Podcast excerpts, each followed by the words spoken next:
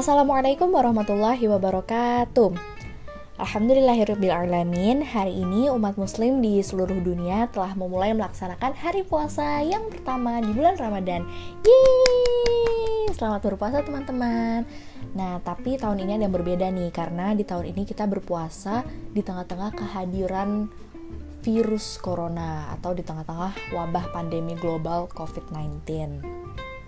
Gak apa-apa, yang penting kita harus punya persiapan ekstra nih untuk menghadapi puasa di tengah-tengah wabah corona ini. Karena ada sebuah pernyataan yang uh menarik perhatian nih. Kata seorang politikus di Aljazair bernama Noreddin Bukhroh beliau itu mengasa, mengusulkan agar puasa Ramadan tahun 2020 ini ditunda. Nah, kenapa tuh?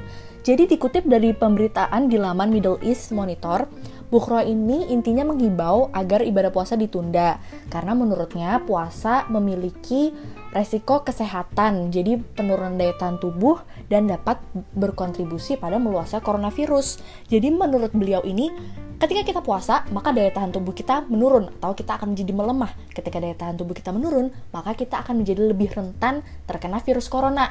Nah, jangan asal percaya nih guys. Harus kita kupas tuntas bagaimana sih sebenarnya uh, kaitan antara puasa dan sistem daya tahan tubuh. Bagaimana cara agar kita dapat berpuasa dan beribadah dengan khusyuk dan lancar di bulan Ramadan tapi tetap sehat dan tetap terhindar dari dampak buruk virus. Nah, insya Allah hari ini akan aku kupas tuntas. So, stay tune terus. Oke, yang pertama kita bakal ngomongin pengaruh puasa terhadap sistem imun tubuh. Jadi nih guys, anggapan bahwa puasa dapat menurunkan daya tahan tubuh itu hadir karena ketika kita berpuasa terjadi perubahan pola makan dalam tubuh kita. Misalkan gini, kita sehari-hari uh, kalau lagi nggak puasa ya makan mungkin bisa 3 sampai empat kali sehari pagi siang sore malam gitu terus kalau misalkan lagi puasa kita makannya cuma dua kali doang sahur sebelum subuh dan saat berbuka pas maghrib nah saat itulah um, kita mungkin pas lagi puasa ngerasa lemes, ngantuk, 5L, pusing, lunglai, lemas, lesu, dan lain sebagainya. Pokoknya kayak apa ya nggak bergairah gitu melakukan aktivitas di siang hari ternyata oh ternyata tubuh kita merasa lemas di tengah bulan puasa karena tubuh kita kekurangan nutrisi catat ya jadi tubuh kita merasa lemas karena kekurangan nutrisi bukan karena puasanya. Hal ini dibuktikan oleh penelitian yang dilakukan oleh para ilmuwan di University of Southern California. Jadi, dalam penelitian tersebut disebutkan bahwa puasa selama tiga hari berturut-turut dapat menyebabkan peningkatan yang signifikan dalam kesehatan khususnya daya tahan tubuh. Nah, jadi penelitian ini tuh bilang kalau kalian puasa itu daya tahan tubuhnya malah meningkat, bukan malah menurun. Nah, kalau kita ngerasa lemes itu karena nutrisi saat sahur dan berbukanya itu kurang mantep gitu. Nanti kita bahas lebih lanjut ya. Oke, penelitian tersebut juga menyatakan bahwa ketika kita berpuasa, rasa lapar dalam puasa itu memicu sel-sel dalam induk tubuh kita untuk memproduksi sel darah putih baru untuk melawan infeksi. Nah, sel darah putih baru ini berguna untuk melakukan regenerasi seluruh sistem kekebalan dalam tubuh kita. Jadi, sang kepala penelitian tersebut, Profesor Walter Longo ini menyatakan bahwa dalam sistem imun kita mungkin ada bagian-bagian yang sudah rusak atau sudah tua atau tidak efisien lagi.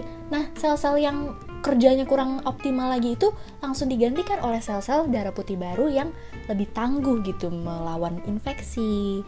Oke, ada pula penelitian lain yang dilakukan oleh profesor biologi di MIT, perusahaan perguruan tinggi bergengsi nih guys.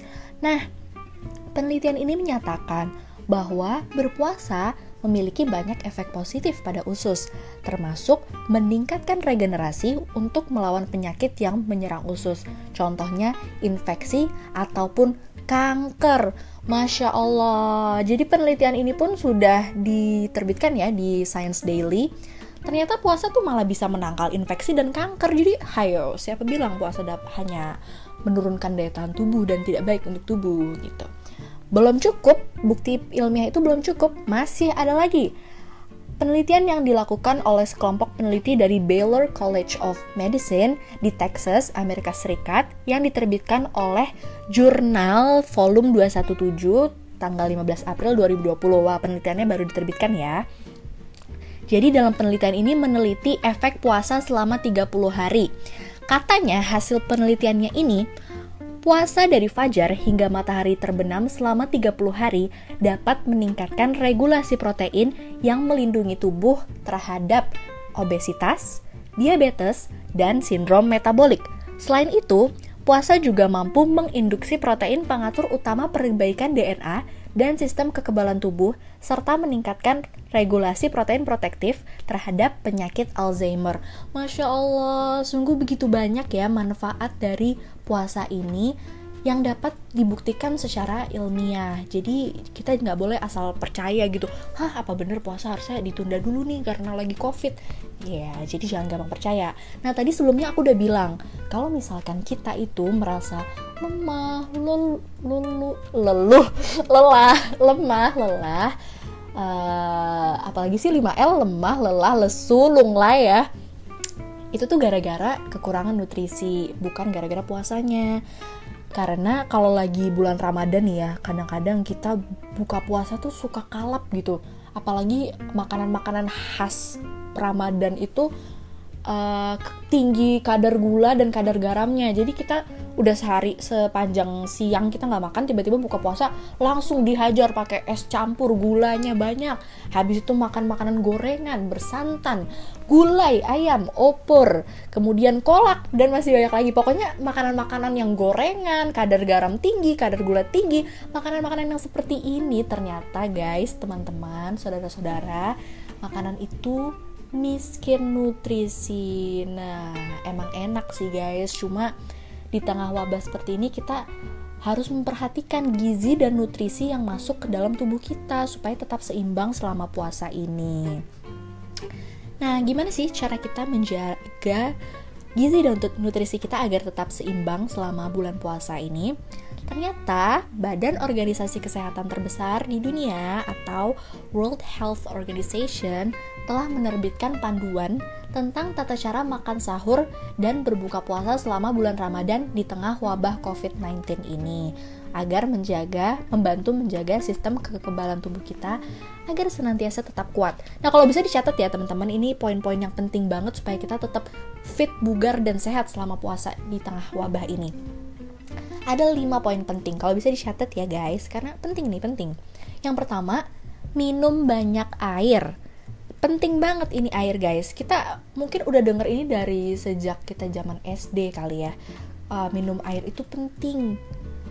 Jadi minum air kalau bisa sehari tetap 8 sampai 10 gelas sehari. Loh gimana mau minum air 10 gelas sehari? Kan puasa Nah, caranya itu dibagi distribusi pembagian waktu gitu pas lagi minum.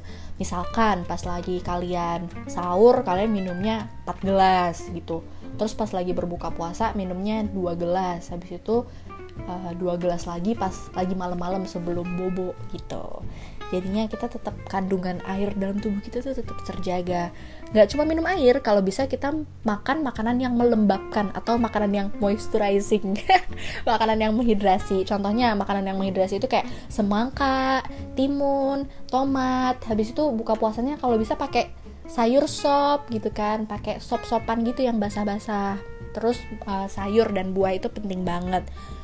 Nah yang penting tuh minum air ya dan kalau bisa hindari minuman berkafein seperti kopi, teh, cola, soda. Karena kalau kita minum kafein, maka itu akan memicu kita untuk lebih sering buang air kecil.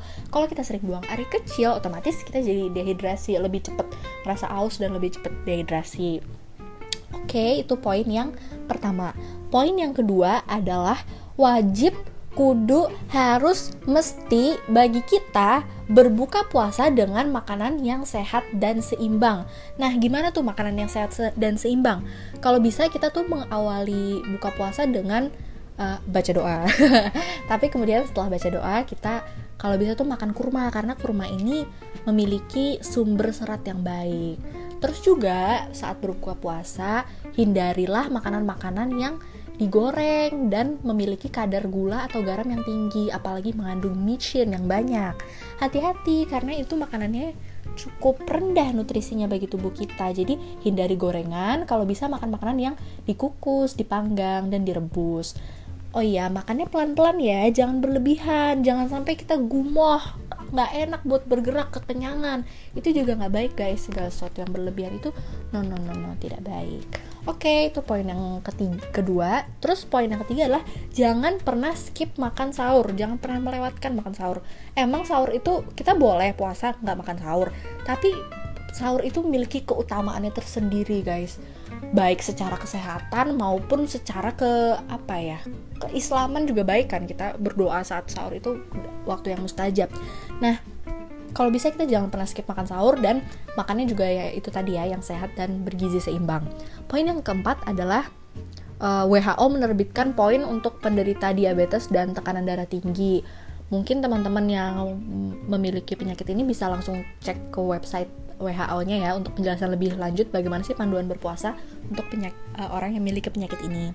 Nah, poin yang kelima adalah kalau bisa kita uh, menambah konsumsi food sup supplement dan herbal. Contohnya uh, food supplement vitamin yang bagus itu kayak vitamin C, vitamin E dan zinc.